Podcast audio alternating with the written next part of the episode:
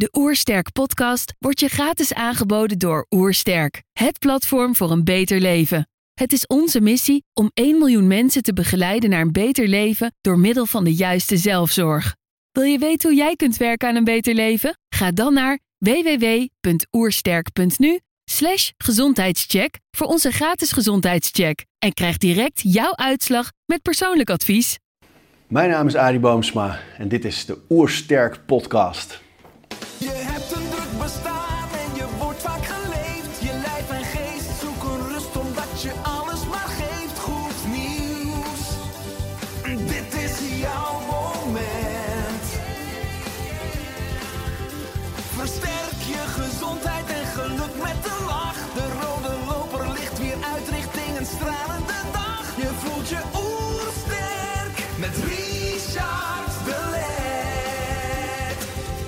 zijn hier in Heemskerk voor een podcast met Arie Boomsma. Arie is televisiepresentator, oprichter van de sportschool Vondel Gym en auteur van onder andere het boek Fit. Ik ben benieuwd naar zijn tips voor een beter leven. Trouwens, geniet je van onze podcast? Abonneer je dan en laat een reactie of review achter. Zo help je ons om het gezondheidsvirus te verspreiden. Let's start. De Oersterk Podcast. Een ontdekkingstocht naar een beter leven. Arie, welkom. Ja, leuk man hier te zijn. Ziet er goed uit, Ries. Dankjewel, ik ben blij dat je in onze studio bent. En, eh, Echt mos. echt mos? ja, het is ook echt mos. Allemaal echt wat je hier zit. Echt oer. De, de subtitel van je boek Fit is In kleine stappen naar een gezonder leven. Ja. Kun je deze kleine stappen toelichten? Ja, kijk, als het over gezondheid gaat, gaat het bij heel veel mensen over quick fix. Hè? Ze willen shortcuts, ze willen life hacks, ze willen zo snel mogelijk bij een bepaald resultaat komen.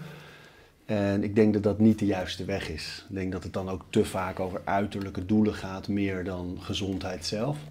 En in kleine stappen geeft eigenlijk aan dat als je zo'n doel stelt voor jezelf, ik wil gezonder zijn, ik wil meer groente eten, ik wil wat dan ook, vaker trainen.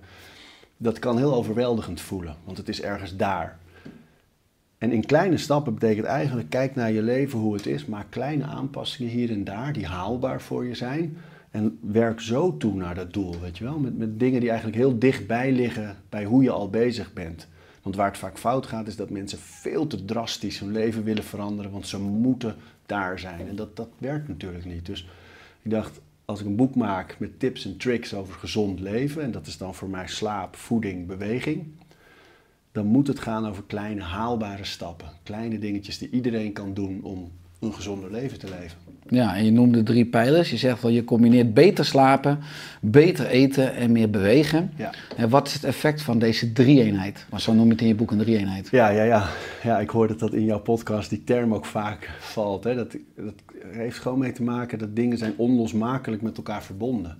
Dus je kan, wat vroeger altijd zo was, toen die hele fitnesswereld op gang kwam, toen ging het echt alleen maar over bewegen. Mensen gingen aerobics doen en spieren bouwen en de goede trainers wisten heel veel over het lichaam en over hoe je beweegt. En op een gegeven moment kwam daar voeding bij. Had iedereen door, wacht eens even, daar is echt heel veel winst te boeken. Bewegen snappen we nou wel, maar voeding, daar kan je nog weer meer progressie boeken, nog weer beter resultaat, nog weer gezonder worden.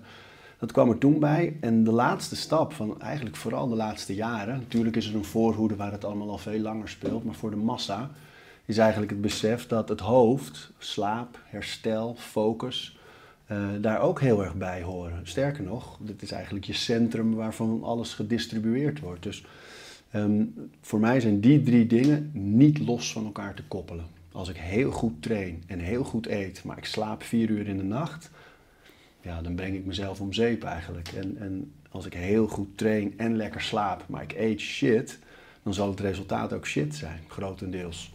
Dus dat is voor mij eigenlijk die drie eenheid. Ja, want je zegt in je boek, wat ik ook herken, dat heel veel mensen zitten in een negatieve, neerwaartse leefstijlspiraal. Ja. Dus mensen, nou, als je die eten shit, eh, zijn moe, hè, hebben meer zin om in die stoel weg te zakken in plaats van in beweging te komen, slapen minder, eh, zitten minder lekker in, in hun vel. Ik denk dat het ook heel veel mensen zullen herkennen die kijken of luisteren. Maar nogmaals, het lijkt zoveel. Ik moet iets doen misschien aan mijn eten, aan mijn bewegen, aan mijn slapen. Wat zou nou een eerste stap zijn om uit die neg- negatieve eh, leefstijlspiraal te komen? Goed beseffen en goed nadenken over waarom je dat dan wil. Want mensen zeggen vaak, ja, dan horen ze bijvoorbeeld dat iemand vier dagen in de week eh, wandelt en af en toe eens yoga doet of meditatie. Oh, dat zou ik eigenlijk ook moeten doen, hoor je dan al heel snel. Maar daar zit nog helemaal geen noodzaak. Dus heel veel mensen denken, ja, ik wil er anders uitzien, ik wil meer energie hebben, ik wil niet moe zijn aan het einde van een werkdag. Dus er zijn wel allerlei voornemens, maar eerst goed na te denken over, oké, je wil gaan trainen, maar waarom dan? En achter elke, elk antwoord op die vraag zit meestal nog wel één of twee waarompjes. Dat is boeiend, want heel veel mensen die aan jou vragen stellen, las ik, die zeggen, ja, ik wil een sixpack. Ja. Of vrouwen die zeggen, ik wil strakke billen, dus ik wil een uiterlijk doel hebben. Ja. Nou, dan weten wij beide, denk ik, als je dat bereikt hebt, dan ervaar je de leegte weer. Want uiteindelijk is het een illusie om te bedenken dat dan. Eh, maar hoe ga je met, nogmaals, die vraag krijg je nog veel meer dan ik, hoe ga je daarmee om? Die mensen die wat denken, waarvan jij al weet, ja, dat gaat je niet brengen wat je echt verlangt. Ja, ja jij, jij hebt het hetzelfde als ik. En eigenlijk iedereen die hier te gast is, heeft zo een paar van die portefeuillevragen. Van als je je hiermee bezighoudt, dan krijg je die het meest. En bij mij is dat inderdaad altijd, hoe krijg ik een sixpack? Hoe, krijg ik, hoe kom ik op tijd in die bikini? Of hoe kan ik lokaal vet verbranden? Een buikrandje of een grote benen smal maken, weet je, dat soort vragen. Maar over die sixpack zeg ik eigenlijk altijd hetzelfde. Ehm, namelijk, hoe je eruit ziet is een gevolg van wat je doet en hoe je leeft. En dat is geen doel. En dat moet ook echt zo blijven. Dus als mensen zeggen, ik wil heel graag een sixpack, wat wil ik doen? Dan ga ik eerst eens toetsen van, heel veel mensen willen die sixpack wel, maar ze zijn niet bereid het leven te leven dat nodig is om een sixpack te krijgen en te houden. En, en daar is eigenlijk vraag 1. Dus als ze op zoek gaan naar die quick fix, ga ik eigenlijk op zoek naar: ben je bereid je leven zo aan te passen en zo doelgericht te leven dat dat het resultaat zal zijn? Dan, dan hebben we een gesprek. Maar als jij gewoon een, een- Eigenlijk willen mensen het liefst dat je zegt: Nou, als je dit pilletje neemt, dan ben je over drie weken daar. Dat zouden ze doen. Terwijl voor mij zit het plezier juist in die hele weg er naartoe. En nadenken over type oefeningen, voeding, herstel. Hoe kom ik daar en hoe houd ik dat? Als je bijvoorbeeld kijkt naar, eh, naar, naar topsporters of crossfit-atleten, eh, die zijn zo met hun sport bezig, die hebben allemaal een sixpack. Maar die zijn nooit bezig geweest met een sixpack krijgen. En eh, dat vind ik een heel belangrijk gegeven. Dat hoe je leeft, hoe je traint, hoe je bezig bent met herstel en voeding, dan zal het resultaat zijn een bepaald uiterlijk. Maar als je dat los kunt laten, ja, dan geniet je van de reis ernaartoe. Dat is natuurlijk veel belangrijker. Ja, het gaat inderdaad om het proces. Daar zit de magie in, Ja. niet om het resultaat. Hè? Ja. Dus die sixpack is het gevolg, als het ware, van als je, Ja. als je de juiste prioriteiten binnen jezelf op orde hebt. Als je op zoek gaat naar die antwoorden, want het is natuurlijk fascinerend dat als je bij mensen gaat graven, dat je ook bij negatieve overtuigingen kunt uitkomen of bepaalde gedachten eh, of kennis die onjuist is, als je het hebt over voeding of over beweging. Maar mensen leven ook in die leefomgeving die ons continu verleidt om de verkeerde keuze te maken of om te blijven zitten. Ja. Is het altijd een samenspel van de omgeving en die intrinsieke factoren? Dat denk ik wel. Want dan kom je op de vraag, wat is discipline ook? Hè? En, en kijk, ik, je hebt het voorbeeld van commando's. Dat mensen altijd denken, ja, die zijn zo gedisciplineerd. En die staan elke dag om half vijf op en dan gaan ze eerst push-ups doen. En dan rennen ze met dat hele peloton door een bos. En dan doen ze ook weer allerlei oefeningen. En dan elke dag weer, discipline. En dan denk ik, als zo'n commando op verlof is thuis, doet hij dat dan nog steeds? Ik denk het niet in de meeste gevallen. Dus, dus discipline en dingen elke dag doen hebben ook heel erg met een omgeving te maken. Zag je ook in die coronacrisis, dat mensen ineens thuis aan de slag moesten. En als je gewend bent thuis te trainen, zoals jij met je zoon om zeven uur, dan Met doe je personal dat. trainer trouwens. Nou ja, maar dan Eh, doe je dat. eens morgens, ja. Maar als je dat niet gewend bent, is het heel moeilijk en dan verzuip je eigenlijk. En, en dan zie je de rol van een gym of een sportclub, waar je in een omgeving stapt die je stimuleert en die je eigenlijk omhoog tilt, want iedereen is daar ergens mee bezig. En dan is die omgeving bepalend voor jouw regelmaat. Dus dat denk ik dat een heel belangrijk onderscheid is tussen het intrinsiek, wat wil ik nou eigenlijk zelf? Wil ik trainen om sterker te worden? Wil ik afvallen? Wil ik energie hebben? Wil ik een bepaald doel bereiken? Wil ik iets nieuws leren? Er zijn zoveel redenen. En, en het antwoord op die vraag van waarom wil ik dat? Die heeft te maken met de discipline die je kiest. Weet je, iemand die meer energie wil hebben aan het einde van de dag, die gaat niet powerliften. Powerliften word je heel sterk en dan word je, krijg je grote spieren en dan ben je ook vaak moe, want het herstel is enorm. Dus dat klopt dan niet. En daar denk ik op zoek gaan. Maar die, die waarom-vraag blijven herhalen, dat komt ook heel vaak op die intrinsieke motivatie. Dat, en die is dan echt wel anders dan wat mensen vaak denken. Dus ze denken, ik moet gaan sporten, want ik wil een beetje afvallen. Waarom dan?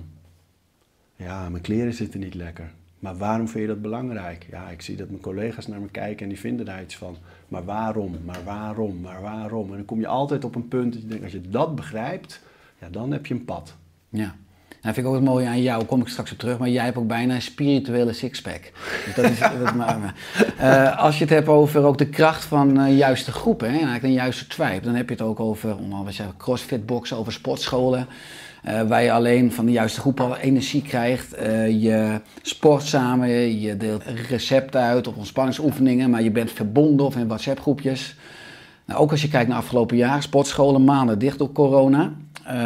Jij was ook een soort ja, spreekbuis namens alle sportscholen, maar je hebt ja. je ook op social media en media laten gelden, want het duurde nogal lang weken voordat de sportscholen weer ja. open gingen. En we weten allemaal de kracht van beweging, ook op het immuunsysteem. Ja. Uh, hoe, hoe zijn die maanden voor je geweest, ook als ondernemer hè, met Vondel Gym? Ja, ja, ja, spannend. Ik denk dat bijna voor iedereen geldt, en dus zeker ook voor mij, dat die hele periode natuurlijk schaduwzijde heeft gekend en stress en zorgen. En tegelijkertijd iets heel moois had. En dat is een hele gekke spanning tussen die twee. En voor mij zat dat hem erin dat ik enerzijds dacht van oei, weet je, is dit misschien wel iets permanents? Gaat het misschien wel nooit meer terug? is na deze crisis misschien wel meteen de volgende al. We wonen met veel te veel mensen op deze wereld. Is dit nu waar we mee om moeten gaan? Is het hele fenomeen drukte, massa, wat altijd de kern is geweest in onze samenleving van als een museum een miljoen bezoekers heeft, is het een succes. Als een volle zaal, dat is iets goeds, weet je wel. Als dat fenomeen nu klaar is, oh man, je hele onderneming draait op een bepaald aantal mensen binnen kunnen hebben om winst te maken, bijvoorbeeld. Dus daar was ik heel erg mee bezig, van hoe gaat dat? Tegelijkertijd dacht ik, jongens, het scheelt tegen dit virus is een goede weerstand, is gezondheid. Waarom de plek waar je daaraan kan werken dicht houden? En, uh, en ik dacht, een liberale regering met de VVD als grootste partij, altijd voor ondernemers. Waarom mm-hmm. wordt er niet ergens gezegd van ja, dit zijn de voorwaarden en de maatregelen. Als je je daaraan kan houden, wees creatief, probeer te ondernemen. Dus dat miste ik een beetje. En tegelijkertijd vond ik het echt prachtig om terug te gaan naar de vraag van wie zijn we als, als gym, als bedrijf? Wat is onze kern? Waar zijn we nou eigenlijk mee bezig? En gaat het ons om geld verdienen of om mensen in beweging krijgen? Nou, natuurlijk is dit niet onbelangrijk, maar we kozen ervoor, in ons geval Vondel Gym, om te zeggen: oké, we gaan deze maanden geen geld verdienen. Daar gaan we voor kiezen. We gaan vol op de relatie.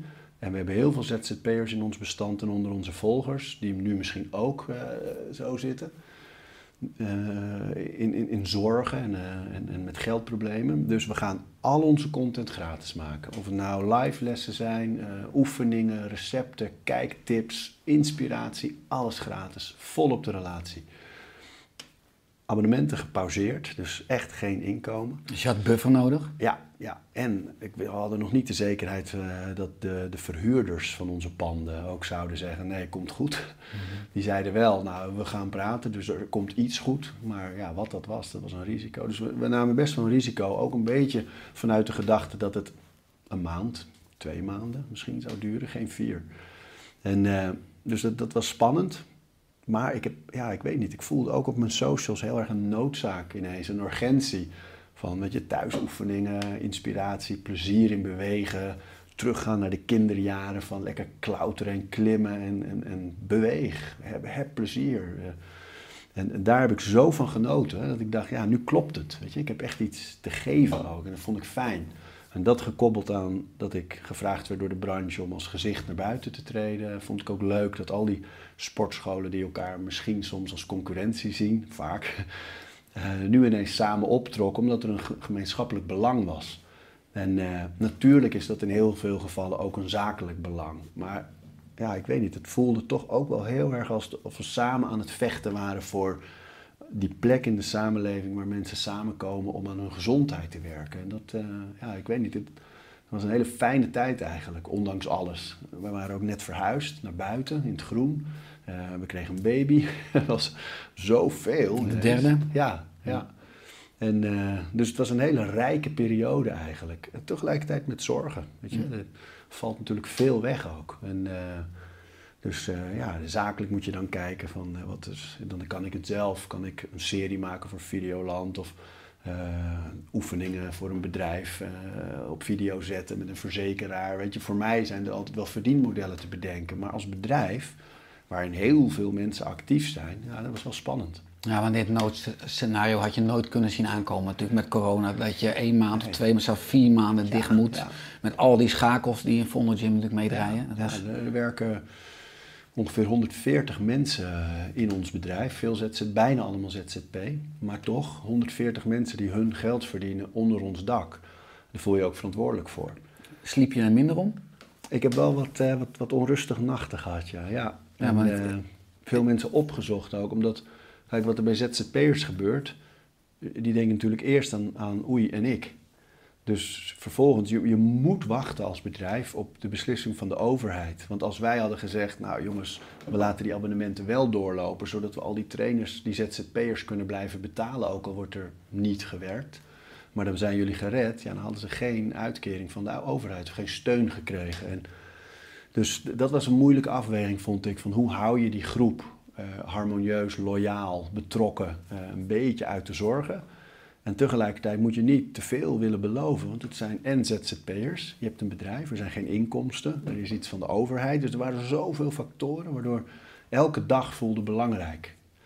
En dan zat ik thuis weet je, in de ochtend eh, aan de tafel buiten te werken, te vergaderen digitaal. En dan ging ik even trainen en dan was ik met de kinderen. En het, ja, ik vond het een fantastische tijd, gek genoeg. Hmm, maar ik lees in je boek dat je over het algemeen prima inslaapt. Ja, Hè, maar s'nachts soms wakker werd en Ja. dan een uur wakker lag. ja, En dat eh, heb je opgelost door dingen echt fysiek op te schrijven. ja. En ook als je dan wakker wordt door gebruik te maken van ademhalingsoefeningen. Ja, ja. Kun je dat toelichten? ja, ik ben een maler. En eh, je weet hoe het is als je een bedrijf hebt, dan komt er een heleboel gemaal bij. En eh, dingen die in je hoofd zitten. Soms ook leuke dingen, ineens een idee of eh, een doorbraak. Dat je, oeh, dat moet ik morgen niet vergeten. Maar ook wel soms van, oei, ik moet die eens even opzoeken, ik moet dat niet vergeten. En, en die gedachten heb ik nu standaard aan het einde van mijn dag, schrijf ik die op, fysiek. Dus niet in mijn telefoon, maar echt met een pen op papier. Schrijf ik de dingen op die ik morgen wil doen. En dan wil ik ook niet te veel het woord moet gebruiken, die ik moet doen, maar gewoon die mailen, dat overmaken, eh, hiervoor zorgen, dit idee uitwerken, eh, die even bellen, weet je, wel, dan taakjes. En daar probeer ik al een evenwicht in te vinden tussen de dingen die extern zijn, dus eigenlijk voor anderen, voor, een, voor het bedrijf of voor eh, eigenlijk wel dingen die ik een beetje moet doen. En ik probeer daar ook dingen op te zetten die ik heel graag wil doen. Ehm, dat evenwicht, die schrijf ik op, dan ben ik dat al een beetje kwijt. Ik slaap snel in. Eh, als ik wakker word en ik ga malen, dan heb ik een, een ademhalingsoefening die me kalm maakt. En dat is eigenlijk gewoon het oude schaapjes tellen, maar dan inademen. Dus elke keer dat je uitademt en inademt is één. Uitadem, inadem. Door je neus in, ik. Neus, neus, neus. Ja, dat vind ik echt, nu je het zegt, een van de grote inzichten van deze periode. Het verschil tussen neus- en mondademen is enorm. En onze vriend Casper van der Meulen, die zijn mond dichtplakt Ja. door die Ja. neus. Dat gaat me wat. Het Ik mag heb niet van mijn partner ook, geprobeerd. dus... eh, Nee, het is gek, maar je gaat er ook, je snurkt minder. Ja. Dus het is ook wel weer. Maar er komt zoveel meer zuurstof in je bloed als je door je neus ademt. En je neus is ervoor gemaakt met die haartjes en de filter. Je mond niet. En eh, dat vind ik ook qua krachttraining, maar zeker bij rust vind ik dat een enorm inzicht. Dus alle ademhalingsoefeningen bij mij altijd neus. Wel eens als ik heel erg eh, ingespannen heb, in neus uit mond, weet je wel. Als ik echt hartslag hoog zit, dan is het moeilijk om alles door de neus te pakken. Dan krijg je een beetje een benauwd gevoel. Maar daar werk ik wel aan. Maar die in- ademhalingsoefening is dus gewoon schaapjes tellen. En meestal kom ik niet tot tien en ben ik alweer weg. Dat is echt, het ademhalen maakt je rustig. Het tellen zorgt ervoor dat ik niet af kan dwalen. En eh, dat is een hele fijne oefening. Helpt het ook dat je dus nu een tuin hebt met meer groen? Hè? Want ik las ook op social media van jou een opmerking van een volger eigenlijk van jou over lummelen. En dat herken ik zelf ook. Toen zei je, ja heerlijk, windstilte van de ziel. Hè? Als je het hebt Ja, over... eh, eigenlijk van Nietzsche gepikt. Nou ja, dat stond er niet bij. Wist ik niet. Ik denk, wat is die Arie toch inspirerend? maar val je door de mond. Nee, maar ik bedoel, is het ook herkenbaar dat juist dat groen ook zorgt voor Oh rust en opladen en ook voor perspectief afgelopen maanden? Absoluut. Ja, bij, eh, bij elke persconferentie, in het begin toen we allemaal nog keken en toen echt belangrijke dingen aangekondigd werden en grote veranderingen vaak, ging ik eigenlijk altijd eerst naar die persconferentie ging ik wandelen in mijn tuin. Blote voeten op het gras. Weet je, het was zomer die hele periode, gek genoeg, vanaf maart al. En eh, dus hup, blote voeten, lekker door het gras lopen. En dan liep ik gewoon rondjes over het veld. Bomen rechts, bomen links. Ik hoorde een koekoek, weet je wel. En dan was ik gewoon echt aan het nadenken over wat betekent dit? Hoe kunnen we dit doen? Dat, dat je weer buiten mag sporten, dan moeten we nu naar buiten. Dus hoe gaan we dat oplossen? Ehm, wat, welke trainen? Weet je, gewoon gedachten en ideeën. En eh, de communicatie ook voor de leden. We hebben 6000 leden. Ik moest elke keer natuurlijk als er iets gebeurde dat aankondigen. Dus die teksten, formuleerde ik eigenlijk altijd wandelend door de tuin in het groen, lekker buiten.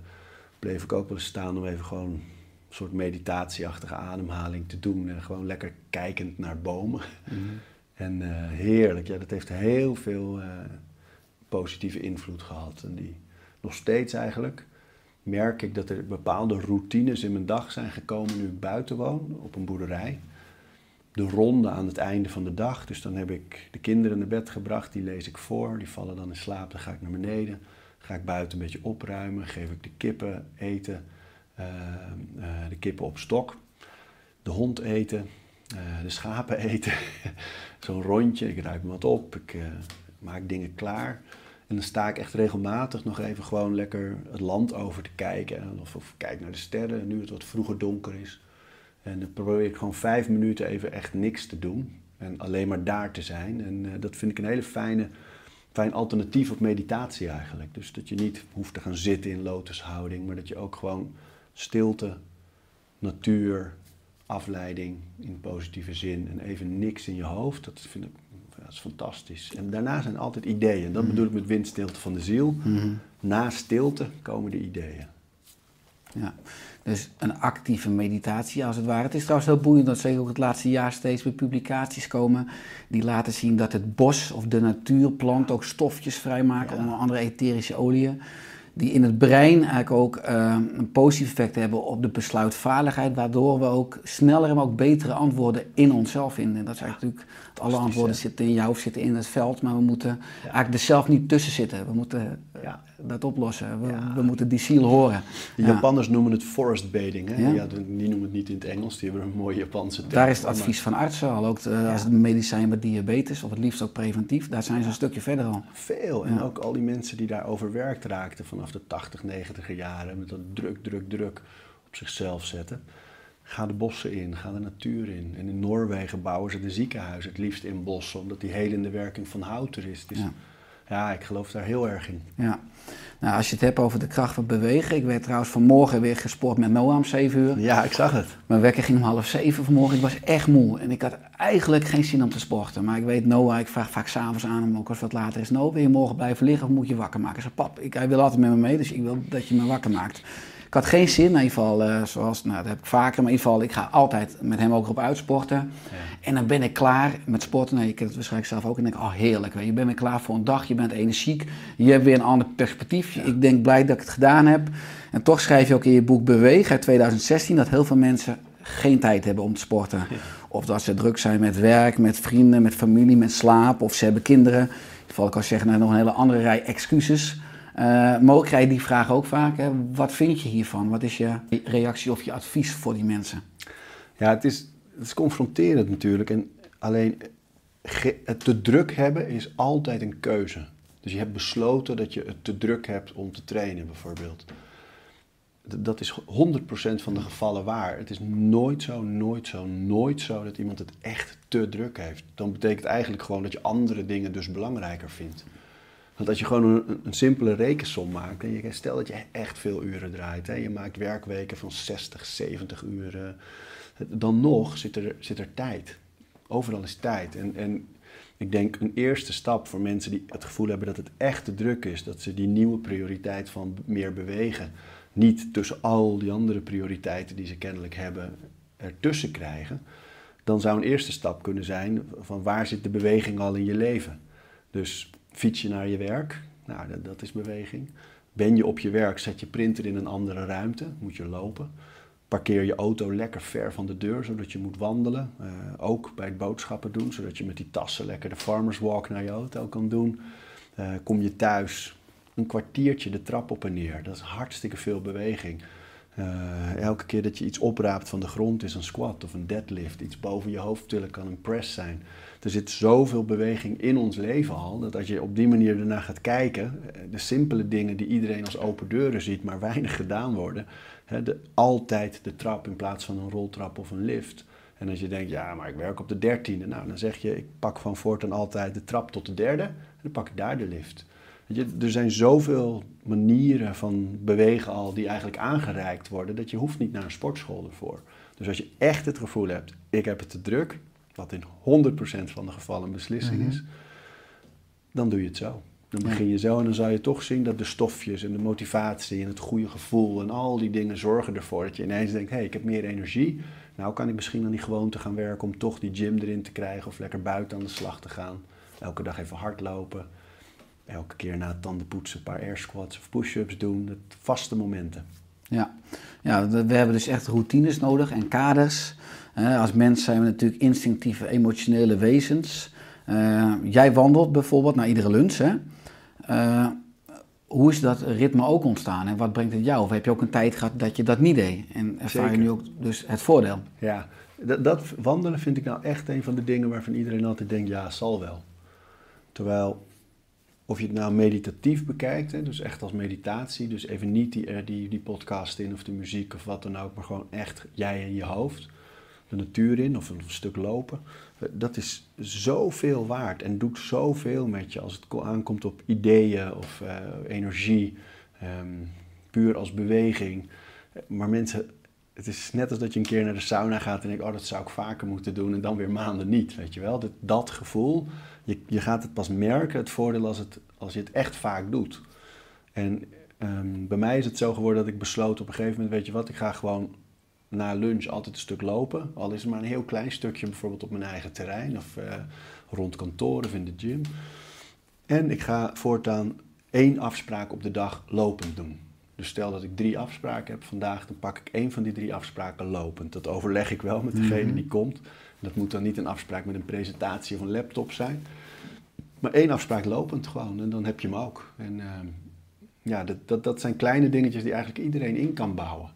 En het fijne daaraan is dat als je het plakt aan iets dat al bestaat, dat is ook een van de tips in dat hele mooie boek van eh, James Clear, eh, Atomic Habits heet het, over gewoonte bouwen en gewoonte afbreken. En eh, die zegt ook van ja, dat is dé manier om, om ergens aan te wennen. Plak het aan iets dat je elke dag toch al doet. Dus als je zegt, elke dag na de lunch ga ik even wandelen. Of elke dag op kantoor na de lunch ga ik even in het trappenhuis twee, drie keer de trap op en neer. Dat is een vast moment. Er zit daar aan vast, dus je weet gewoon dat je het dan vol gaat houden. En dat is een hele lekkere manier om dat te doen. Ja, bijvoorbeeld ook natuurlijk als je met een vriend of vriendin zou gaan zitten, Ja. ga samen lekker wandelen. Ten eerste vind je in de wandeling ook betere antwoorden in beweging dan in gedachten. Dus, Ja. dus dat is ook, eh, nou, naast de kracht van wandelen, waar ook steeds trouwens meer wetenschappelijk onderzoek van komt, er zijn al boeken over, hè, over de kracht van wandelen. Doe je ook veel krachttraining, veel sportoefeningen, zeker als mensen jou volgen op Instagram bijvoorbeeld. Ja. In de coronatijd zagen we je bezig voor mij met wc-rollen en met, met bezems, maar je daagt mensen eigenlijk continu uit om, om hun potentieel aan te spreken. En eigenlijk te ontdekken dat, dat er in ieder mens dat potentieel zit. Als je het uitdaagt, als je het traint, Ja. als je blijft oefenen, als je blijft spelen. Denk ik ook het kind wat in allemaal van ons schuilt. Ja. Eh, maar ik zie heel veel video's bij jou, eh, ook op je, op je Instagram. En heel veel video's die ik zie natuurlijk gaan goed. Zijn het allemaal one-takers? Of zijn er ook uiteindelijk video's waarvan je zegt, nee, die gaan het niet halen? Ja, die doe ik meestal in stories. Heel af en toe doe ik ook wel... De bloopers? Of... Ja, ik doe wel vaak op Instagram, stel dat ik vier of vijf video's plaats, dan zit er altijd wel één zesde bij, wat of een blooper is of een echte beginnersmanier om diezelfde oefening te doen. En eh, als, het, als het leuk misgaat, dus als ik echt een keer hard val, als ik ergens overheen wil springen of zo, dan, eh, dan zet ik hem in stories. Ja, en ehm, nee, er zijn zeker. Weet je wat het is? Ik denk, ik ben een keer voor een programma meegegaan met die freerunners. Eh, Je hebt eh, Bart van der Linden, voormalige wereldkampioen, Nederlandse jongen. Hartstikke goed daarin. En toen zag ik bij de jongens dat die dingen die wij zien op Instagram, extreem spectaculaire trucs en eh, Dat ze, nou ja, er sprong bijvoorbeeld iemand die rende tegen een muur aan en sprong via die muur over een hek met prikkeldraad. Hoog. Nou, dat lijkt een truc dat je denkt, wow joh, wat een, en wat een risico. Toen ging ik met de jongens mee en toen zag ik, op dag 1 gaan ze rekenen van waar moet ik op die muur om er overheen te komen. Ehm, ze gingen eerst naast dat hek die hoogte maken, oefenen, oefenen, oefenen, uur, twee uur. Vervolgens eh, gingen ze met een jas over dat prikkeldraad kijken of ze er overheen kwamen. Weer oefenen, oefenen, oefenen. En de volgende dag deden ze beide dingen nog een keer rustig voordat ze de truc echt gingen doen om op te nemen. Toen dacht ik, die manier van iets nieuws leren, dus blijven oefenen. En je doet het pas als er eigenlijk geen risico meer is, omdat je zo goed weet hoe het allemaal werkt. Het is een hele mooie manier, maar je ziet natuurlijk die voorbereiding niet. Dus als je zo, nou ja, je kent allemaal die beelden van. Het lijkt onverantwoord. Ja, ja. En dat vind ik met trainen eigenlijk ook. Van, ik, ik wil altijd een evenwicht zoeken tussen haalbaar en inspirerend. En inspirerend moet nooit worden van kijk mij eens, oh dat kan niemand en eh, mij lukt het wel of zo. Weet je, dat is niet leuk. Er moet altijd een soort haalbaarheid in zitten. Dus als ik video's op Instagram zet, natuurlijk zijn het wel eens dingen die niet iedereen kan. Maar dan zet ik in zo'n serietje ook een beginnersoefening of hoe, hoe je daar naartoe kunt trainen.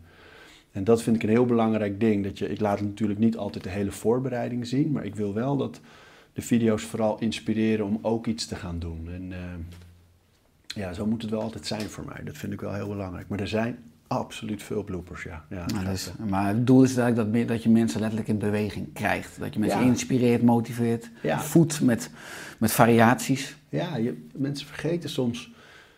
Kijk, er is iets ingeslopen van eh, de, de sportschoolcultuur. Hè? Van we gaan op maandag, woensdag en in het weekend een keer gaan we een trainingje doen.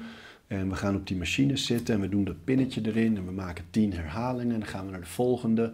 En daar, daar zit geen ontwikkeling in eigenlijk. Ja, misschien word je sterker en je houdt jezelf in beweging. Dus het is een vorm van gezond worden. Maar dat is heel moeilijk vol te houden. Want het wordt heel monotoon en, en er zit geen uitdaging en geen groei in. Dus op het moment dat je gaat kijken naar wat doe ik hier eigenlijk en hoe kan dat nog meer, dan wordt het leuk. Dus als je gaat kijken, oké, die pinnetjesmachine, dat ik dit ding naar beneden trek, die trekbeweging, waar kan dat nog meer mee? Of eh, ja, dus- dus ga de natuur in. Kijk, kijk naar een boom, wat kan je met een boomstam? Of wat kan je met een bezem? Wat kan je met een, een pan? Dat zijn hele leuke manieren. En kom je er eigenlijk achter dat, dat een soort basisbewegingen, zoals de deadlift, de squat, eh, de benchpress, het duwen, dat dat hele normale bewegingen zijn die je eigenlijk heel veel maakt. En daar kan je dus oneindig mee variëren. Met een pan, een pan kan ik gebruiken als een kettlebell, als een gewicht, als een step, als een, nou ja, noem maar op. En, en een bezem is een stang, daar kan ik overheen springen, daar kan ik balansoefeningen mee doen, evenwicht. Een boek kan ik gebruiken voor, voor gripoefeningen. Het kan ook een gewichtje zijn. Of, eh, weet je, de- eh, met alles eigenlijk. Handdoeken, theedoeken, wc-rollen. Eh, Het is oneindig. En als je op die manier naar het leven om je heen gaat kijken, dan zie je eigenlijk een soort speeltuin van, van mogelijkheden. Van ja, met deze stoelen, met die bloempotten, met eh, nou ja, alles. Overal zit een kans om te bewegen. En, en om dat ja, mee te geven vind ik leuk aan mensen. Dat stel dat je geen geld hebt om een sportschool te betalen, dan ga je lekker thuis aan de slag, maar beweeg. Ja. Als ik zie dat je in die beweegvormen enorm veel variatie aanbiedt, zie ik ook eigenlijk die variatie in jou als mens of als professional. Je bent ook presentator, we zien je op televisie. Voor Healthyfest werken we samen. Nou, dan zitten we op zo'n terrein waar uiteraard iedereen jou kent. Nu zul je dat natuurlijk meer hebben dat mensen jou kennen. Maar mensen komen naar je toe, mensen hebben vragen, mensen willen met je op de foto, mensen willen je handtekening. En altijd heb je tijd, aandacht, ben je, ben je nieuwsgierig. Heb je dat altijd al gehad, ook die, die interesse in, in al die mensen? Of, of, of heb je ook een geheim? Ik denk wel dat je die vaardigheid kunt leren. Eh, bij mij komt het vooral eerlijk gezegd door, ik ben altijd, mijn vader was dominee, is dominee, hij is 78, maar hij preekt nog steeds. En eh, wij woonden altijd in kleine plaatsen. En Vaak verhuisd. heel vaak, elke vier, op Wikipedia zag ik al die plaatsen. Ik denk zo. Ja. vier, elke vier, vijf jaar verhuisd. Ja. En altijd in kleine plaatsen. En mijn broers en ik wisten op een gegeven moment niet meer zeker als we mensen op straat tegenkwamen of we ze kenden van de kerk of niet. Dus we zwaaiden maar naar iedereen. Iedereen groeten, contact maken. En mijn, mijn moeder is met name ook zo. Die is heel erg eh, contact maken en inlevend. en de- die combinatie is denk ik, heeft ervoor gezorgd dat ik ook maar iedereen altijd groet. En, en op straat niet bang ben om contact te maken. Omdat, weet je, wat je vaak bij mensen die bekend worden ziet, dat ze een beetje ongemakkelijk gaan vinden en dus maar dit doen. Maar ik heb altijd heel erg gevoed op mensen en de energie van mensen. En, eh, dus ik ben dat blijven doen. En nu, ja, eh, in, dat soort, dan ben ik ook wel moe hoor, na een dag. Als ik de hele dag geef, en, eh, dan ben ik echt wel moe. Maar ik vind het wel heel belangrijk om in dat moment aanwezig te zijn. Dus als iemand, maar jij doet precies hetzelfde, want je hebt ook een lange rij mensen die met allerlei vragen en dan is het ook nog eens vakinhoudelijk, bijna medisch. Dus, eh, maar ik zie jou hetzelfde doen, dat je op het moment dat mensen je iets vragen, dat je ook die vraag hoort en daar een normaal antwoord op geeft. En dat de nee, die we in de rest van ons leven zoveel moeten hebben eigenlijk, om, om, om ja, de ruis buiten te houden. Je hebt een auto-reply op je mail, ik ook dat nee zeggen tegen die buitenwereld moet geen karakterhouding worden, want dan sluit je jezelf af. En ik wil mezelf afsluiten voor te veel afleiding in de wereld, maar niet voor mensen. Dus op het moment dat ik op straat benaderd word, wil ik er altijd zijn. En als ik met mijn kinderen ben, maak ik een uitzondering. Als mensen zeggen, eh, kunnen we een fotootje maken en ik loop met mijn kinderen, dan doe ik het nooit. En dan zeg ik ook gewoon niet als mijn kinderen erbij zijn, maar volgende keer graag. Maar verder, als ik alleen ben, altijd. En dan heb ik van Wieteke van Dort, weet je nog, de, eh, ja, nou ja, van, van de oude televisie, zeg maar. En eh, die kwam ik tegen bij een programma. En toen was er nog helemaal geen telefoon op de, of een camera op de telefoon. Toen ging alles nog met handtekeningen. Eh, dus dan hebben we het over zo begin 2000, toen, eh, toen ik een beetje begon. En eh, die zei, altijd ja zeggen. Ja zeggen, positief houden, niet te veel vragen stellen. En, en toen, dat ben ik ook gaan doen. Dat ik dacht, ja, iemand vraagt me iets. Mogen, mag ik een handtekening? Of nu mag ik op de foto? Ja, tuurlijk. Daarnaast staan. Fijne dag. Klaar.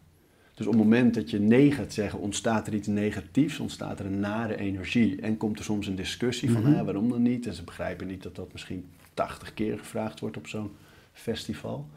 Dus dat, dat werkt niet. En Dat vind ik ook geen, dan zit er ook geen vloeiende beweging in. En, en ja zeggen wel en positief.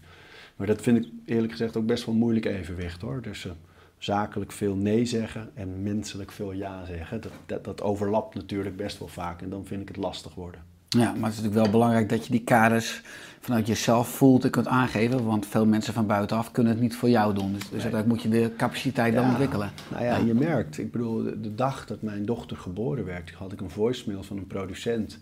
eh, of ik nog even iets in kon spreken voor zes uur op mijn telefoon. Weet je wel, dat de buitenwereld zal nooit helemaal begrijpen waar jij staat. En als je niet zelf je kaders aangeeft, dan ga je alle kanten op. Want weet je, ook als je niet bekend bent of een bepaalde autoriteit hebt ontwikkeld, waardoor je veel gevraagd wordt voor dingen, dan nog zijn er zoveel verzoeken in ons leven. Mailtjes van mensen, collega's die iets willen. En als je niet uitkijkt, dan ben je eigenlijk altijd aan het werk op andermans to-do-list. En dan ben je altijd bezig met, oh dit moet ik voor die, oh die mailt mij, dus daar moet ik op reageren. Die appt mij, dus daar moet ik op reageren. En dan ben je de hele dag bezig met andermans taken. En staat je eigen ontwikkeling heel snel stil. Want voordat je het weet is jouw lijst gewoon alleen maar met die ander. Dus ik denk als je met lijstjes werkt, is het ook heel belangrijk dat je daar een evenwicht in aanbrengt. Van wat wil ik eigenlijk zelf en wat is voor mij belangrijk. En niet vanuit een egoïsme, maar gewoon vanuit je eigen ontwikkeling. Van, ja, als, je, als je bepaalde doelen wil nastreven, dan zul je toch voor moeten kiezen om daar ook tijd voor vrij te maken. Want de wereld vult zich wel en er is altijd genoeg afleiding en genoeg ruis om volledig in op te gaan. Dus die, dat is een hele belangrijke overweging. Ja, dat je proactieve leiding neemt in plaats van reactief geleefd wordt en er Ja. meer een dag om is. Ja, maar weet je, het is wel, ik denk wel, er zullen naar jouw podcast ook veel zelfstandige ondernemers luisteren. En er is wel een fase in je leven dat ik denk dat het heel belangrijk is om heel veel ja te zeggen juist. Alles En- aanpakken. Ja, uren maken, kansen. En het is een heel mooi voorbeeld van dat, dat een, een kleine artiest eh, maar blij moest zijn met een zaaltje voor zeven mensen, weet je wel. Maar dat er in dat zaaltje dan net iemand zit die een groot evenement organiseert. En dat soort voorbeelden van zeg ja en ga vol enthousiasme en vol overgave voor die zes mensen aan de slag. Dat ontketent iets, daar ben ik van overtuigd. En ik was een keer in New York met een groep jongens, een marketingreisje. Gingen we naar allemaal dingen kijken en toen wilden we naar een club. Maar negen mannen in New York naar een club, dan, dat kun je vergeten. En eh, tenzij je heel vroeg gaat. Dus wij gingen om, ik denk dat we om negen uur voor de, de deuren van zo'n club stonden. En ja hoor, we mochten naar binnen. Maar we waren wel echt de enige. Negen mannen aan de bar. En er stond een DJ, stond daar al te draaien. En die stond vol overgave. Die stond te lachen en de handen fistpumping in de lucht. En eh zoveel plezier in, in wat hij aan het doen was. Terwijl niemand danste. Wij stonden een beetje te kijken. Maar ik dacht, dat is hem. Dat is iemand die heeft zoveel hartstocht voor wat hij doet. Het maakt niet uit of er duizend mensen staan of negen die niet eens dansen. Vol erin. En dat vond, vind ik zo'n mooi voorbeeld van... Ja, als je, als je ergens voor kiest, ga ervoor joh. Vol erop. En hoeveel mensen ermee bezig zijn, maakt niet uit. Precies, dan hou je het vol. Dat komt intrinsiek vanuit je passie. Gewoon, je wil het delen. Of je nou één iemand luistert of honderdduizend Ja, Het mensen. maakt niet uit. En het ontketent altijd iets anders. Ja. Er gaan altijd nieuwe deuren open. Dat enthousiasme is niet te remmen. Ja, er komen weer andere kansen uit voort. Ja, Ja. Als je het hebt over de sporten, wat ik zei, eh, mediawereld. Aan de andere kant heb je lekker je groene tuin.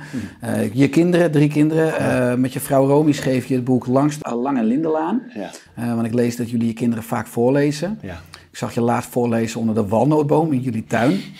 Maar wat is de kracht nou van verhalen en versjes en gedichten? Want poëzie, zo heb je voor mij je vrouw Romy ook je eerste afspraakjes. Dus jullie waren Ja. beide al bezig met Ja. eigenlijk de kracht van taal, van woorden. Ja.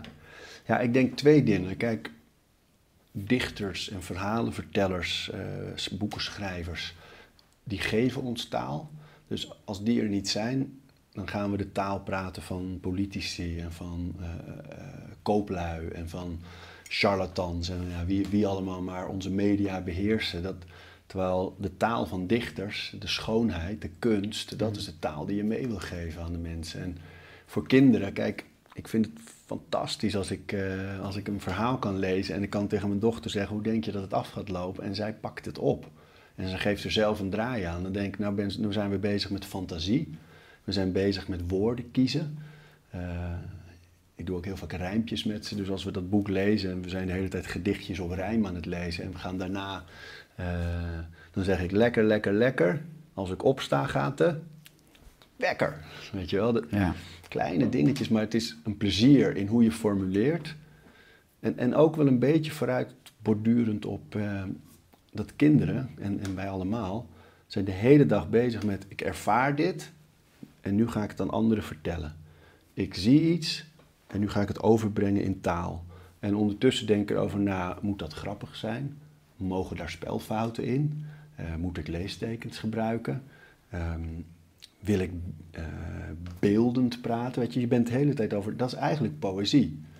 En, en, dus ik denk op het moment dat je kinderen mee kan geven dat je met taal kunt spelen en dat het leuk is om mooie woorden te kiezen of eh, bepaalde woorden te veranderen in je zinnetjes of eh, ja, eh, zelf te bedenken waar een verhaal naartoe kan. Dat, dat, dat, zijn, dat is rijkdom.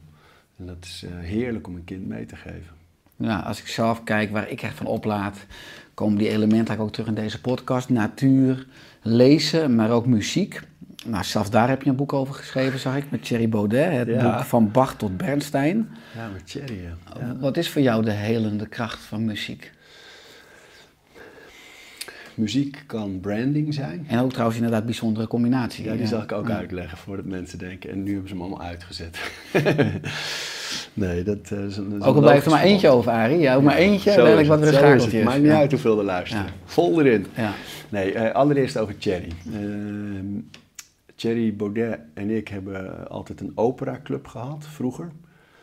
En eh, omdat we allebei die liefde voor klassieke muziek hadden, hij weet ontzettend veel van muziek, kan ontzettend goed piano spelen en kan heel mooi beeldend vertellen over muziek. En we kwamen elkaar een paar keer tegen bij opera's en toen mochten we van de Nationale Opera een operaclub beginnen. Waar, daar gingen we altijd lunchen.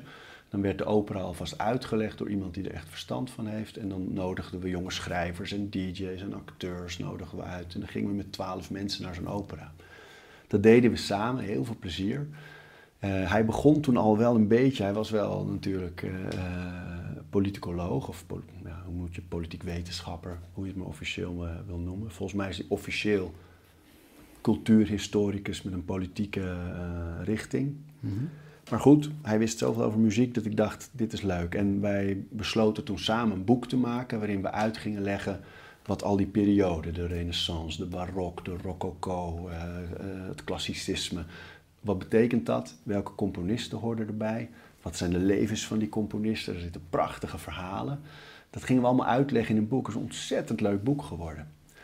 We gingen samen het land in. En toen zei hij een keer op een avond tegen mij, want hij begon toen dus al een beetje in die politieke anti-Europa-hoek of anti-EU-hoek. Uh, dus hij kreeg al wel veel kritiek en veel uh, wrijving was er rond zijn, steeds meer rond zijn persoon. Dus hij zei toen tegen mij, wat heerlijk om hier eens een keer allemaal positieve reacties te hebben na zo'n avond, omdat het over iets moois gaat. En daar denk ik nu heel vaak aan, nu hij toch een beetje een omstreden persoon is geworden. En ik heb een, ja, ik zal altijd om hem geven. We denken totaal verschillend over de wereld en hoe je daarmee om moet gaan. We hebben zeer andere beelden op hoe de samenleving moet zijn. Maar ik, ik, ben wel, uh, hij is me wel dierbaar. Dus dat is dat. Um, en jouw vraag over muziek. Muziek kan branding zijn. Bij de gym, bij Vondel Gym, hebben we bijvoorbeeld alleen maar hip-hop. Dat vind ik een mooi signatuur voor, weet je, dat het net even anders is dan de house en veel andere sportscholen. Uh, er zit ook vaak een gedachte achter. En voor mij is muziek, denk ik, zoals voor veel mensen ook wel, uh, een, een, een, soort brug naar een bepaalde sfeer. Dus als ik uh, naar huis rijd na een drukke dag en ik zet op het laatste stukje terwijl ik de weilanden al inrij en het groen eigenlijk om me heen begin te zien en ik zet nog even een, een mooie symfonie op, dat brengt mij in een andere sfeer. Eigenlijk in een, in een langzamere modus dan, dan ik daarvoor zat. En dat vind ik heel mooi. Muziek kan me ook opzwepen. Bepaalde Metallica of uh, gewoon echt stevige dingen. Dat vind ik ook heerlijk om me daarin mee te laten voeren. Muziek kan me raken emotioneel doordat iemand bepaalde beelden of teksten gebruikt die ik snel, niet snel bedacht zou hebben, maar die wel een emotie bij me raken. Dat, al die dingen zijn voor mij muziek. Dus ik, ik ben ook zeer uiteenlopend in mijn, uh, mijn keuzes. Als je mijn Spotify-lijsten ziet, gaat alle kanten op. Van, van Johnny Cash tot uh, Lil Uzi of uh, mm -hmm. echt alle kanten op. Ja, en dus die muziek die zoek je ook uit op basis van je stemming. Of wat je nodig hebt eigenlijk qua voeding. Ja. Qua ja. muzikale voeding bedoel ik dan. Ja, ja, vaak wel. Ja. ja. En ik moet wel zeggen dat het nu thuis bijvoorbeeld anders is hoor. Met, met drie kinderen, waarvan de oudste vier is. Dus uh, als er bij ons nu muziek op staat, dan zijn het vaak kinderliedjes of, uh, of andere dingen. Daar proberen we dan wel de goede in te vinden, niet te elektronisch. Mm -hmm. Maar er is minder muziek in huis nu dan, dan we daarvoor gewend waren, bijvoorbeeld. Dus uh, nu is het bij mij vaak in de auto of ja, eigenlijk vooral in de auto en in de gyms. Ja. ja. Als je het hebt over al je activiteiten wat je al zegt, veel antwoorden, tenminste op je eigen koers vind je binnen jezelf. En, en veel mensen hebben een mening, en misschien ook een mening over jou of over mij. Ja. In een column die je verleden jaar schreef in de Mens Held, uh, schrijf je... Over de jaren heb ik geleerd dat je weinig invloed hebt op wat mensen van je denken. Ze stoppen je in een hokje en het heeft weinig zin dat je proberen uit te breken. Mensen zien wat ze willen zien. Wat wel helpt is je eigen koers te volgen. Niet laten leiden door haat en ook niet door complimenten. Zorgen dat je niet afhankelijk bent van wat anderen zeggen, doen of denken. Ja. Lukt dat steeds meer? Ja, steeds meer, ja. ja. Kijk, het is natuurlijk gewoon menselijk om je aan te trekken wat anderen zeggen. Ik bedoel, het is, ja, als, als iemand een heel mooi compliment geeft, dan, dan, ja, dan oxytocine, hè, dat is natuurlijk, er gebeurt iets positiefs. Als iemand iets heel naars zegt, komt dat ook echt wel binnen natuurlijk. En... Um, dus, dus helemaal loslaten, dat is onmogelijk, denk ik. Dan word je een robot, dat, dat bestaat niet. Maar wat wel heel belangrijk voor mij is geworden en wat eigenlijk over de jaren altijd beter is gaan lukken, gelukkig, is niet laten leiden door wat anderen zeggen. Dus ik weet, als ik dit maak, vinden heel veel mensen dat tof. Dat moet voor mij geen reden worden om het te maken. Ik schrijf niet een boek vanuit de gedachte, hé, hey, waar zijn mensen mee bezig? Wat willen ze weten? Oh, dan ga ik dat doen. Dat is niet mijn koers. Um, en ook niet als ik denk, oh, maar als ik dit doe, dan vinden ze dat heel stom, dus dat moet ik ook niet doen. Nee.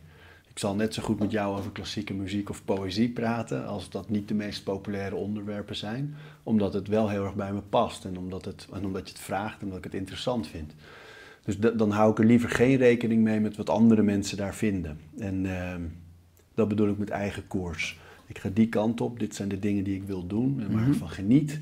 Het maakt me niet heel veel uit wat anderen daarvan vinden. En tegelijkertijd zijn de dingen die ik doe wel heel vaak gericht op mensen iets geven. En, ehm, dus, dus dat is een- wel een interessant spanningsveld hoor. Nou, ik vond het zelf inspirerend dat je zegt van trek je niets aan van haat, maar ook niet van complimenten, want dan plaats je de erkenning buiten, ja, aan beide Ja. kanten.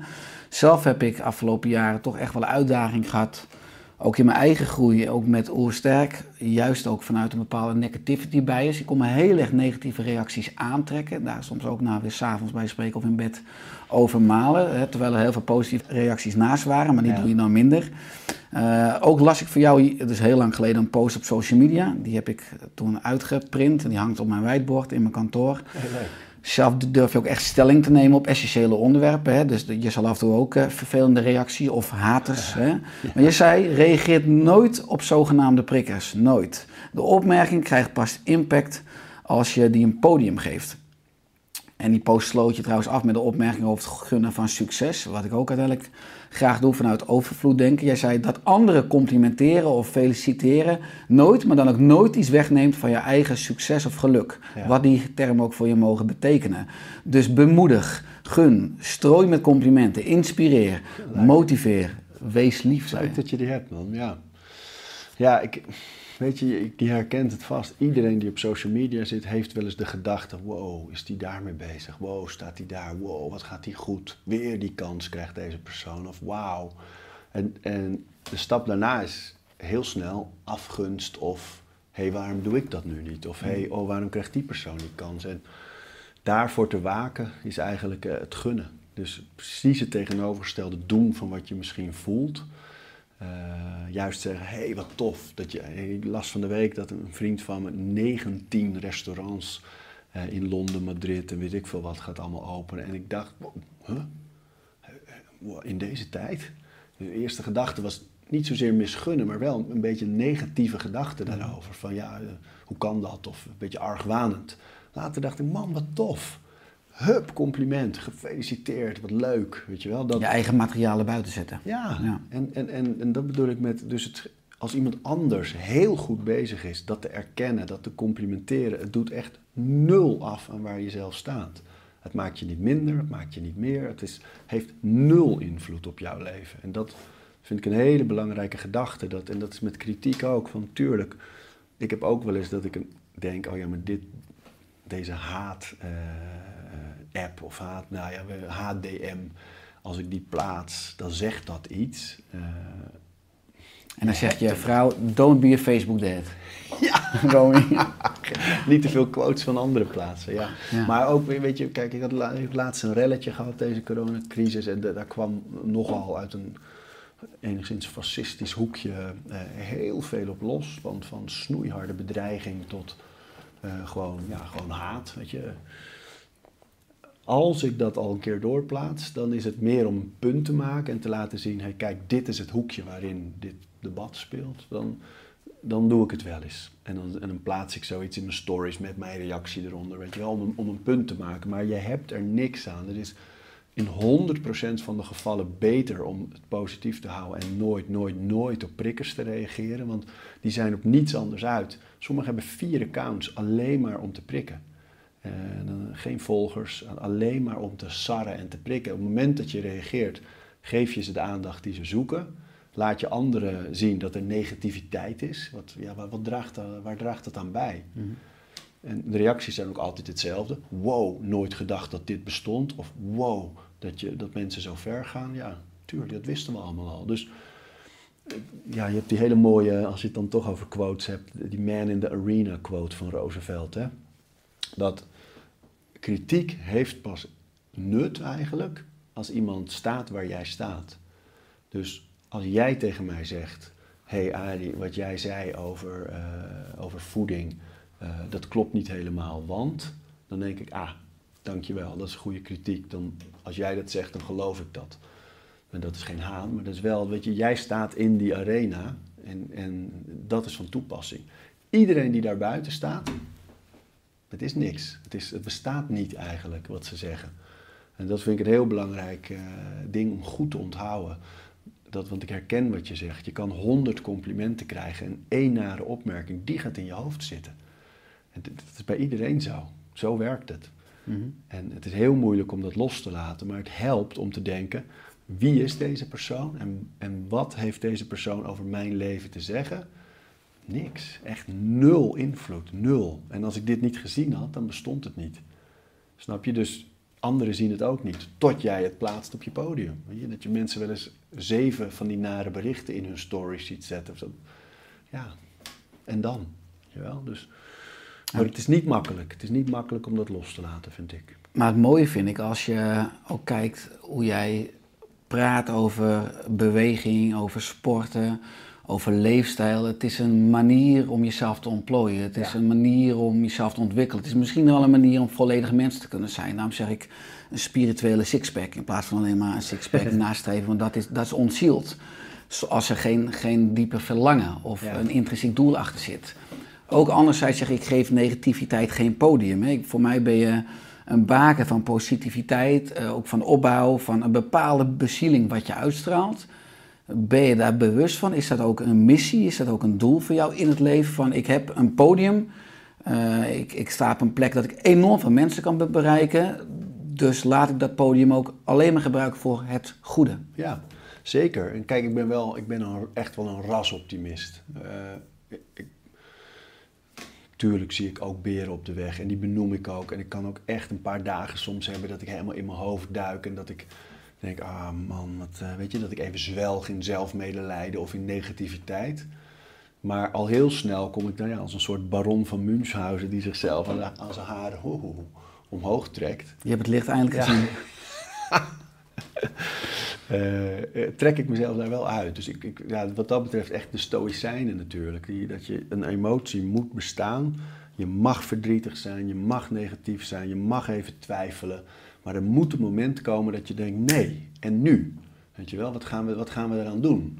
En eh, de- dat vind ik mijn toon. Eh, optimistisch tegen de klippen op, dat het bijna onverantwoordelijk wordt soms. Ehm, maar ik, dat, vind ik de weg. En er is zoveel cynisme en er is zoveel nare, negatieve kritiek om alleen maar negatief te zijn om, eh, of te misgunnen. Dat ik denk, ja, laat, laat mij een van de mensen zijn die daar iets tegenover zet. En die complimenten geeft en die bemoedigt en die inspireert en die het mooie ziet en eh, positief is. Dat, ja, dat vind ik wel echt een eh, missie ja, en een verantwoordelijkheid. Ja. Mooi, ik ben het met je eens. Er is zeker behoefte aan een ander geluid, aan hoop, aan positiviteit. En Wat trouwens niet wegneemt dat er is absoluut ruimte voor kritiek. En ik vind kritiek een hele zinvolle feedback. Dus, dus dat is het niet. Het is de negativiteit om de negativiteit en om het misgunnen en om. Je mensen, ik, ik snap het fenomeen niet dat mensen alleen maar op Instagram zitten om nare dingen te zeggen. Wat, wat voor. Je, dat, tuurlijk komt het ergens anders vandaan, dat weet ik ook wel. Maar wat is de voldoening daarvan? Ik snap hem, begrijp hem gewoon echt niet. Nou, Ik zeg vaak, ik noem dat vaak als mensen te veel in hun linkerbrein zitten of overleven. Dan heb je echt dat rijtje van ego, schaarste, angst en negativiteit. En rechterbrein heeft ook veel meer te maken met verwondering, eenheidsbewustzijn, flow, hoop, liefde. Uiteindelijk is alles liefde. Alleen als je perceptie niet optimaal is, kan je het misschien niet waarnemen. Maar in alles zit een voordeel en een nadeel. Het is altijd, dat is het leven is altijd compleet. Ja. Eh, als je het hebt over al jouw mooie eh, activiteiten, ook afgelopen jaren, wat is nou het gekste dat- je hebt meegemaakt? Het gekste. Nou, dat is toch wel die coronacrisis hoor. Ja. Ja, dat vond ik zo'n ehm, achtbaan van eh, emoties ook. Van hoogtepunten, dieptepunten, van, van zorgen en van euforie. En van, ik vond dat echt een periode waarin ik en heel veel andere mensen, zowel emotioneel als fysiek als mentaal, op, op allerlei fronten heen en weer geslingerd werden. En eh, zo'n onzekere, gekke periode ook. Dat je die echt dwong tot jezelf terugwerpen op wie ben ik, wat doe ik, is dit het, Eh, hoe ga ik ermee om als dit weer gebeurt. Weet je, dat, dat vond ik absoluut een van de gekste dingen die ik ooit heb meegemaakt. Maar ook daardoor heel mooi. En gek. Ja, nee. Dat, dat, is, dat overheerst zo in mijn hoofd op dit moment. Misschien als je het me volgende week vraagt en ik heb er nog eens over nagedacht dat ik met iets anders zou komen. Maar Als Op het, dit moment als het nog dit. binnen schiet, app me in ieder geval. Ja. Eh, wa- wat is je Zet het in de missie? show notes. Ja, wat is je missie of je, of je droom van de komende jaren? Ik geniet heel erg van het uitbouwen van Vondelgym. We zijn nu boeken aan het uitgeven samen met een uitgever. Een driedelige serie? Ja, prachtig. En eh, om, weet je, ik vind het zo mooi om binnen zo'n bedrijf al die zelfstandigen en al die mensen te helpen met ontwikkeling, waardoor zij weer je bedrijf omhoog. Dat vind ik zo'n mooie eh, dynamiek. En ik geniet ervan en ik zou in de komende jaren heel graag dat uit willen bouwen. Dus we gaan nog een paar gyms openen, ehm, ook buiten Amsterdam. En ehm, mensen helpen met ontwikkeling, de directe voldoening van mensen aanreiken, in beweging te brengen, eh, inspireren. Eh, ook mijn persoonlijke platform uitbouwen. Dus ehm, ik ga nu nog, je, er zit best nog veel, heel veel maatschappelijke dingen, zo, dat blijf ik altijd doen hoor. Maar ik zal mijn, mijn platform qua sport, met de boeken, de, de, de, de trainingen, veel meer online ook gaan doen. Ehm, maar allereerst is het de gym uitbouwen.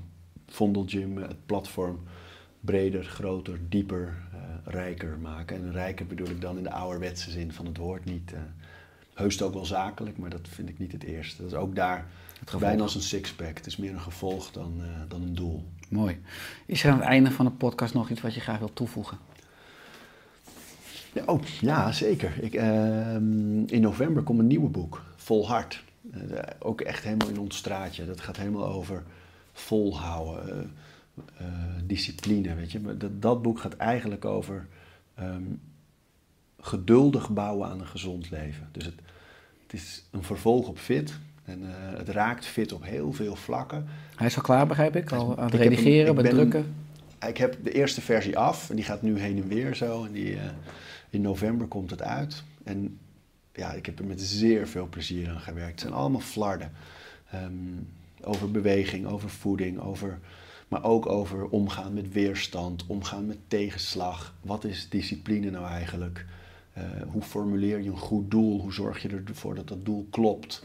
Al die vragen, daar gaat het boek over. En eh, ja, joh, ik heb zo rijk geput uit allerlei podcasts en boeken en, eh, en al die informatie eigenlijk op die pagina's uitgeklaterd. Dat, eh, ja, met zeer veel plezier aan gewerkt. En dat komt in november uit. Mooi, dus als mensen in beweging willen komen en misschien nog wat zoeken voor de feestdagen, is dat Huppakee. mooi boek. Ja. Waar kunnen mensen meer vinden over jouw Arif, over je dienst, over Vondel Gym? Ja, Vondelgym is gewoon eh Vondelgym is de Instagram pagina en die is absoluut ook interessant als je geen lid bent van de gym, want er staan achter elkaar workouts, tips, tricks, eh, recepten, eh, kijktips op. Dus er is heel veel inspirerende informatie. Mijn eigen is uh, Arie Instagram en de Instagram pagina's zijn eigenlijk vooral de plekken waar ik, ik communiceer. En ehm, dus dat zijn de, de twee belangrijkste. Ja. Mooi. Dankjewel voor je komst in, eh, in onze Leuk podcast. vond ik het. Ja. Wederzijds. En, eh, Oersterk. dank voor je toon en eh, laten we samen nog veel mooie bruggen bouwen aan komende jaren. Nou. En ook maar hopen dat heel veel mensen een, nog een spirituele sixpack mogen krijgen. Dankjewel. Jij ook. Leuk. Tof, Arie, leuk.